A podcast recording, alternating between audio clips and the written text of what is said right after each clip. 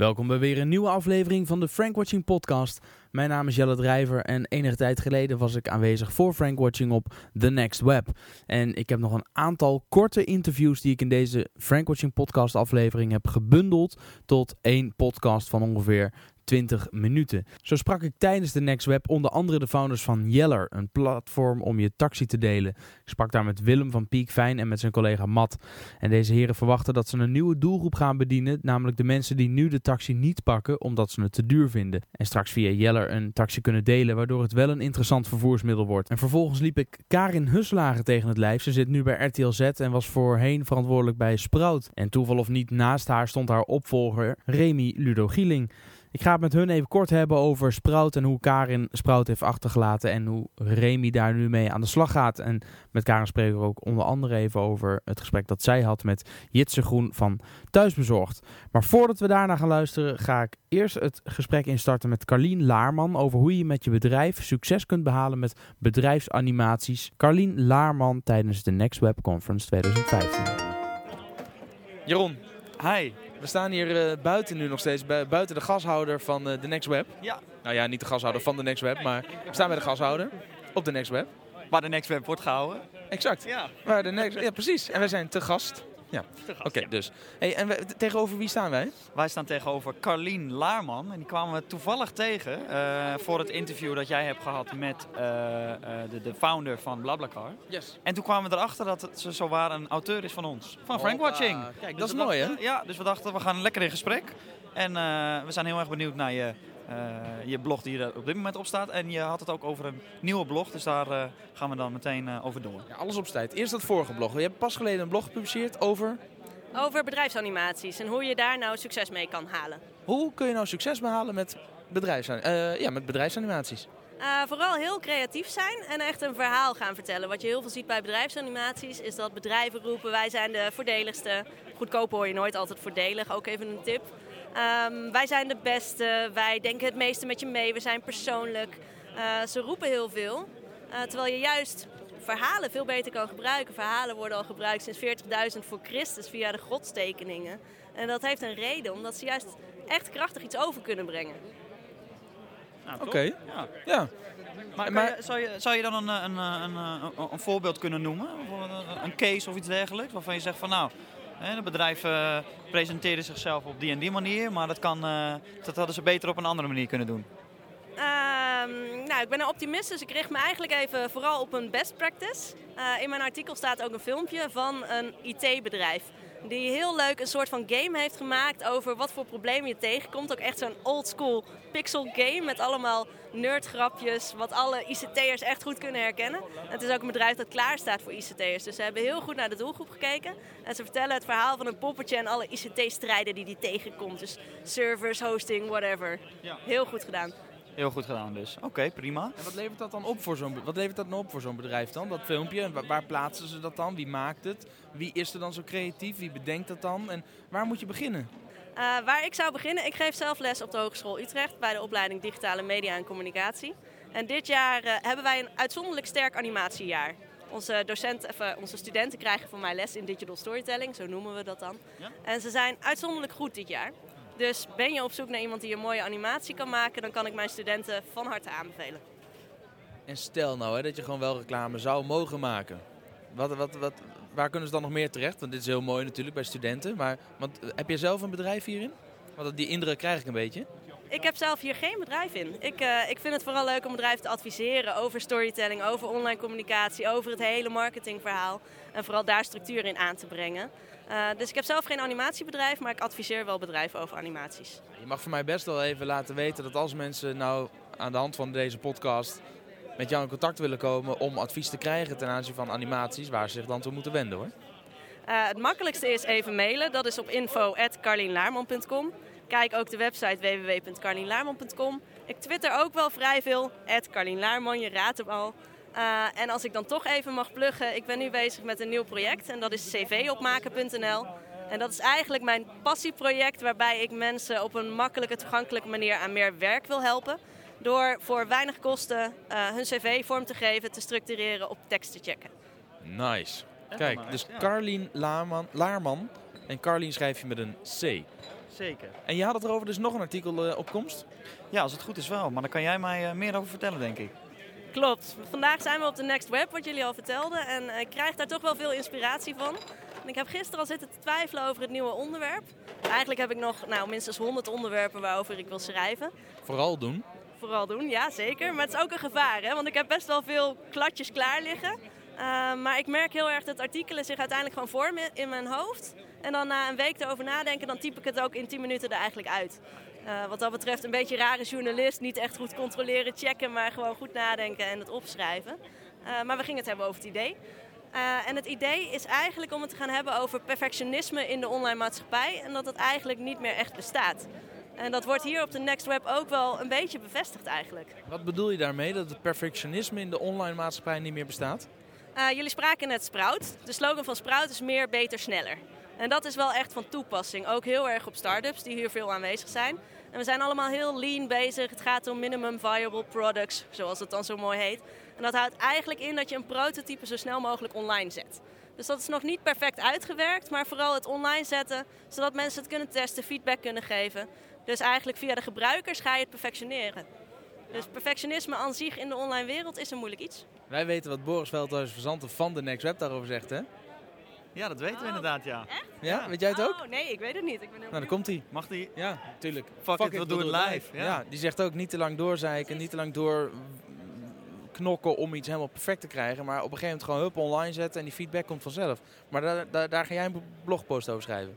Ja, want ik ben het helemaal met hem eens en ik zie het als maatschappelijke trend. Maar wat ik dan bij cv opmaken heel erg op de cv's terugzie, is dat iedereen zegt ik ben zo perfectionisme. En, en, in gesprekken, sollicitatiegesprekken, wat is je uh, zwakste eigenschap? Ja, ik ben een perfectionist. Hele standaard opmerking. Ik vind het ook een beetje walgelijk eigenlijk. En dan zeg jij, sorry, maar dan ben je hier niet welkom. Uh, nee, ik heb liever iemand die gewoon iets aanpakt en het doet... dan iemand die er heel lang over na gaat denken en het uitvoert. En wat ik mijn studenten heel erg aanleer is uh, de slogan... Ja, de slogan, een poster die bij Facebook hangt. En daar staat op, kennen jullie hem? Done is better than perfect? Done is better than perfect. Kijk, Bam. jij wint de wasmachine. Nice. Nee, done is better than perfect. Hij tussendoor hoor, maar ja. okay. Don't steal my credits. Credits wie credits toekomen. Oké, okay, dan moet ik eerlijk zeggen dat ik het van... Uh, dat ik het van... nee, dat ik het van, van, van, van uh, Nicolaas van uh, BlaBlaCar, die uh, liet het in zijn, uh, in zijn interview ook naar voren komen. Ja. De ja. Next Web gaat er helemaal om. Perfectionisme bestaat eigenlijk niet meer. Done is better than perfect. En dat merk je hier eigenlijk overal om je heen. En Frankwatching heeft daar nog niet zo heel veel aandacht aan besteed. Dat gaan we doen. Ik ga daar duidelijk aandacht aan besteden. Carlien, dankjewel en kom maar door met dat artikel. Zeker. Moeten, moeten we nog wat wodka regelen? We hebben net van haar gehoord dat het heel goed werkt als je een half fles wodka hebt. Om even een goed gesprek te voeren. Um, mijn ervaring is dat niet per se. nee, Oké, ik sta hier met uh, Karin. Karin Huslager van, uh, nee niet van Sprout. Dat, dat, zit er nog wel in, merk ik. Het zit er nog wel een beetje in, ja. Maar ik ben uh, sinds 1 april werk ik bij RTL Z, ja. Ook leuk. Ook zeker leuk. Ja. Hele andere wereld, hele andere uitdaging. Wat zijn de grootste verschillen? Uh, nou ja, ik vertoef nu een beetje in de televisiewereld. En dat is toch een andere denkwijze van hoe je nieuws maakt. En uh, nou ja, hoe je kijkt naar wat nieuws überhaupt is. Dus dat is, dat is een heel groot verschil. En uh, ja, voor Z ben ik wat breder aan het kijken nu. Dus Sprout was heel erg gericht op MKB-ondernemers. En voor RTL Z kijk ik nu naar business in brede zin. Dus het hele spectrum tussen zeg maar, de ZZP'er en uh, het grootbedrijf. Oké, okay, nou zagen we je vanuit je rol bij Sprout ook nog wel eens bij bijvoorbeeld uh, Ronnie Overgoor voorbij komen, hè, bij Seven Ditches. Ga je bij RTL ook weer voor de camera? Zit niet in de planning, maar wie weet ooit. Ik sluit niks uit. Zou je het willen? Ik zou het wel leuk vinden, ja. Ik heb vandaag ook Jitse Groen geïnterviewd op het podium. Vind ik wel een kick. Dat is wel gewoon tof om te doen. Ja, dat ging ook lekker. We hebben het allebei gezien. Ja, wat vond je nou, want als, je, als we Jitse erbij pakken, eh, is er iets in dat gesprek waarvan je echt denkt, ja zie je wel? Dat, wat je echt weer mee naar huis neemt, wat je opvalt aan zijn verhaal? Nou ja, wat zowel hij zei als uh, Nicolas Bresson van uh, BlaBlaCar is van... Hè, je moet eigenlijk als ondernemer, als je succesvol internationaal wil zijn... Um, Europa als één markt zien. Dus je moet eigenlijk niet nadenken over... Je hoort heel veel ondernemers klagen over... oh ja, Europa is zo moeilijk, want elk land heeft andere regels en taal en cultuur. Hij zegt eigenlijk, en die Nicola ook... Eh, nee, dat is gewoon niet waar. Ik bedoel, consumenten hebben overal hetzelfde gedrag. Jitsen zei geloof ik ook... ze bestellen allemaal in elk land vier keer per jaar uh, eten bij hem. Het maakt niet uit waar je bent. Dus in principe kan je gewoon uh, Europa's één markt zien. Ja. Waarbij ze wel allebei het advies gaven om wel met locals te werken, toch? Ja, ja, dat wel. Maar heeft natuurlijk ook, dat is dan natuurlijk wel het taal- en cultuurdingetje. Wat je dan natuurlijk niet moet vergeten. Dus dat is denk ik wel belangrijk, ja. En maar nog even over jouw vertrek bij Sprout. Want je gaat weg bij Sprout, maar er is wel weer een opvolger. Ja, mijn opvolger is Remy Ludo Gieling. Uh, een zeer gewaardeerde freelancer al van Sprout. En die, uh, ja, die werkte al een aantal jaar voor ons en daar waren we erg enthousiast over. Oké, en inmiddels, uh, want als ik opzij kijk, dan zie ik iemand met een uh, naambordje. En daar staat ook zowaar Remy Gieling. Je had er nog een naam tussen zitten. Op dit kaartje staat Remy Gieling. Maar Remy, jij gaat het stokje overnemen. Ja, ik heb het inmiddels al een klein weekje overgenomen. En nou ja, ik kan alleen maar lof uitspreken voor Karin, want die heeft het echt fantastisch achtergelaten. Oké, en zijn er wel dingen die je anders gaat doen? Of is dat nu met Karen ernaast, omdat nu al... Het is natuurlijk heel leuk moment om echt, echt helemaal los te gaan over wat er allemaal anders gaat. Um, nou, wat, wat, ik, wat ik regelmatig zeg is dat Karen heeft gewoon een heel goed medium achtergelaten. Ze heeft Sprout een jaar geleden compleet omgegooid. En uh, wat ondernemers betreft is het gewoon een fantastisch magazine, site en, en leuke events. Uh, alleen er is zo erg diep ingedoken op hoe, wat moeten we nou allemaal brengen voor, voor, deze doelgroep. Dat we te weinig naar buiten zijn getreden. We hebben te weinig uh, de mogelijkheden gehad om te laten zien aan die doelgroep van hé hey, we zijn hier en we brengen dit allemaal voor jullie. En word dus member. Nou dat wordt een beetje mijn taak. Meer naar buiten treden ermee. Meer de site promoten. En uh, zorgen ja, dat al die ondernemers lid worden van Sprout. Ja, want hoe gaat dat met het membership? Je zijn inderdaad, wat is het nou, een jaar geleden overgestapt van gratis blad verstrekken en uh, leven van advertentieinkomsten. Overgestapt op membership waarbij je voor een vast bedrag per maand, ik geloof zes keer per jaar het, uh, het blad krijgt. En toegang tot verschillende events. Uh, hoe gaat dat? Nou, wat je zag inderdaad was dat Sprout, het was een blad dat, dat, dat, dat, dat, dat zes keer per jaar, kijk eventjes naar Karin. Zes keer per jaar kwam het uit vroeger? Nee, het was negen. Nou, vroeger, Sprout was een blad, dat kwam negen keer per jaar kwam dat uit. En werd verspreid over pak een beet 100.000 uh, abonnees. Dan je kreeg hem gratis, controlled circulation heette dat. Uh, draaide volledig op de printadvertenties. Wij zagen ook print adverteren was dood. Het, je kon er gewoon geen blad meer voor maken die op zo'n grote oplage had. Dus we zijn ook gaan denken, hoe kunnen we een sustainable business model maken? Nou, een beetje ondernemerschap erin gegooid. En daar dus inderdaad een abonnementsmodel aan vastgekoppeld. Dus mensen betalen nu uh, 8,25 per maand. Dan krijgen ze zes keer per jaar het blad. Kunnen ze alle informatie op de website vinden en maandelijkse events krijgen ze daarvoor terug. En dat loopt. Maar mensen moeten nog wel, uh, en zeker ondernemers zijn natuurlijk een kritische doelgroep. Ja. Ze moeten wel goed overtuigd worden dat wij kunnen bieden uh, wat zij nodig hebben. Dus het gaat goed, we groeien. Maar het is nog niet sustainable. Het is nog niet sustainable. Het moet, uh, het moet meer. En nou, dat is een van de dingen waar ik me dus op gericht heb. En dan maken wij natuurlijk een Frank Watching podcast. Maar goed, ik kan me voorstellen dat er wat overlap is qua interesses in elk geval. Mensen die misschien wel naar Frank Watching luisteren of de Frank Watching blogposts uh, lezen. En de doelgroep die jullie bedienen. Roep nou in deze Frank Watching podcast eens op waarom die ondernemers een abonnement moeten nemen voor, wat is het, 8? 8,25 per maand. Ex-BTW? Ex-BTW, ja. uiteraard. Ja. Um, ondernemers zijn hartstikke druk. Ze hebben uh, heel erg veel aan hun hoofd. En daarom ook weinig eigenlijk de tijd om te kijken buiten hun eigen leefwereld. Te kijken wat gebeurt er nou buiten mijn netwerk? Wat gebeurt er in het buitenland aan ondernemerschap? Maar al die dingen die daar gebeuren zijn wel heel erg interessant en kunnen jouw bedrijf ook verder helpen. Nou, Sprout laat je deze trends en ontwikkelingen in de markt zien. Brengt je ook in contact met andere ondernemers die ook met deze issues zijn. Zodat je samen je bedrijf verder kunt brengen. En voor 8,25 per maand krijg je dus niet alleen maar het inspirerende magazine, kan je ook nog eens naar gratis events met borrel. En krijg je alle toegang tot de site en het netwerk van Sprout. Nou, Jaron, heb jij nog, ik kijk jou aan, heb jij nog één reden om niet uh, Sprout-abonnee te worden? Nou, ik, ik uh, heb me al ingeschreven bij deze. Nou, top. Heel veel succes en heel veel plezier bij Sprout. En uh, nou, we kijken uit naar de volgende bijeenkomst. Volgende borrel, zei je? Volgende borrel. Ik ben natuurlijk Jelle, maar ik kom hier iemand tegen en heeft Jeller op zijn, uh, op zijn bordje staan. Dan ben ik wel super benieuwd. Willem staat erboven. Willem, wat is Jeller? Jeller is een platform wat wij gemaakt hebben om een taxi te delen. Ik ken er nog één. Welke? En welke denk je? Als ik denk, ta oh, taxi delen. Oh, uh, uh, zo erg. Als ik hier het woord taxi hoor, dan denk ik al meteen aan Uber. Ja. Maar jullie doen taxi delen. Ja, ja precies. Wij we hebben een, een, appje gemaakt waarmee mensen eigenlijk heel makkelijk een ander kunnen vinden om een taxi te delen. Ja, dat is... We hadden het net in ons gesprek over hoe, eh, eh, nou, simpel wil ik het niet noemen, hoe gemakkelijk een concept kan zijn, maar toch zo Briljant. briljant gewoon. Ja. Ja. Weet je, iedereen denkt moeilijk en eh, technologie en weet ik veel allemaal, maar zoiets is toch prachtig? Ja, ik vind het heel mooi. En het is jouw idee? Jullie idee? Het is Mats' idee. Matt. Hi Matt. Ja, hi. Goedemiddag. Ja, het was een uh, oudejaarsavond en geen taxi te bestellen. Iedere taxi op de straat die had zijn bordje uit. Alles was bezet. Dus ik spring voor een taxi. Ik hou hem aan. Ik vraag welke kant moet je op en mag ik meerijden? Nou, toevallig was het dezelfde kant op als waar mijn huis woont. Dus uh, daar was het idee geboren. Toen dacht je, dan delen we de kosten? Inderdaad. Dus uh, die kosten hebben we lekker gedeeld. En uh, de dag daarna, na een uh, heerlijk nachtje slapen, ben ik bij Willem op de koffie gegaan. Ik zeg, Willem, wat vind jij hiervan? Zullen we dit niet gaan gaan maken? En toen zei Willem... Toen zei ik meteen ja. Nee, ja, zo, zo ging het wel echt.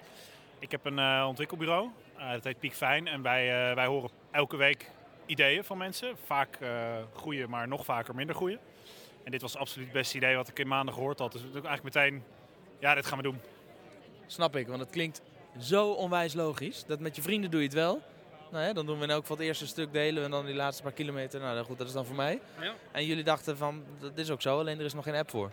Nee, klopt. Klopt. En, en om, om je gelijk een klein beetje het gras voor de voeten weg te maaien misschien. Als je kritische vragen gaat stellen, uh, uh, werkt het al? Nou, uh, nee, het werkt nu nog niet. En waarom niet? Omdat we gewoon nog niet genoeg mensen hebben. Oké, okay, en wanneer gaat het werken? Het gaat werken, wij denken dat het gaat werken als je zeg maar iets van 10, 15.000 mensen hebt. In een klei, vrij klein gebied, hè, zeg Amsterdam, urban area zo'n beetje. Dan denken wij dat het echt meteen veel waarde heeft. Dus onze strategie is ook om uit te rollen, uh, uh, wel zo snel mogelijk, maar niet zo groot mogelijk. Gewoon één, één stad, één regio. En dat kan dan Amsterdam zijn bijvoorbeeld. En daar moet het gaan gebeuren. Ja, nee, maar dat is ook Amsterdam. Uh, we zijn nu drie weken geleden gelanceerd. En gelijk in een partnership met TCA. Dus TCA stapt in bij Yeller als eerste partner uh, en helpen ons met de marketing. Dus voor hen is het relatief makkelijk om taxis bijvoorbeeld te bestikkeren of flyers neer te leggen in de taxi, dat soort dingen. Dus zij zorgen voor veel eyeballs, waardoor wij ja, meer downloads krijgen en eigenlijk vrij snel ook waarde kunnen gaan leveren. en dan willen we dat eigenlijk per stad zeg maar, gaan doen. Dus Utrecht, Rotterdam, dan kan je die drie met elkaar verbinden. En dan krijg je ook, denken wij, veel meer mogelijkheden om goed te delen. Uh, volgende stap is eigenlijk dat we willen praten met allerlei events. Hè, bijvoorbeeld zoals de Next Web, maar ook een Amsterdam Arena waar voetbalwedstrijden zijn. Of een Ziggo Dome waar concerten zijn. Dat soort momenten waar veel mensen tegelijk weg willen. Dat zijn momenten waar het ideaal is om een taxi te delen. Maar laatste, denk ook aan bijvoorbeeld een NS. Treinstation, uh, Utrecht Centraal. Als er een storing is, wij kijken op Twitter. Is er een storing, dan gelijk naartoe met een team. Uh, grote gele vlaggen, hey jongens, deel een taxi, dan kom je toch nog thuis vandaag. Weet je wel? Dus op die manier proberen we snel uit te rollen. Wat is goed zeg, maar dan ben ik wel benieuwd. Want als ik nu op een normale avond in Amsterdam bij het station loop, dan staat er een hele rij met taxis, van TCA onder andere.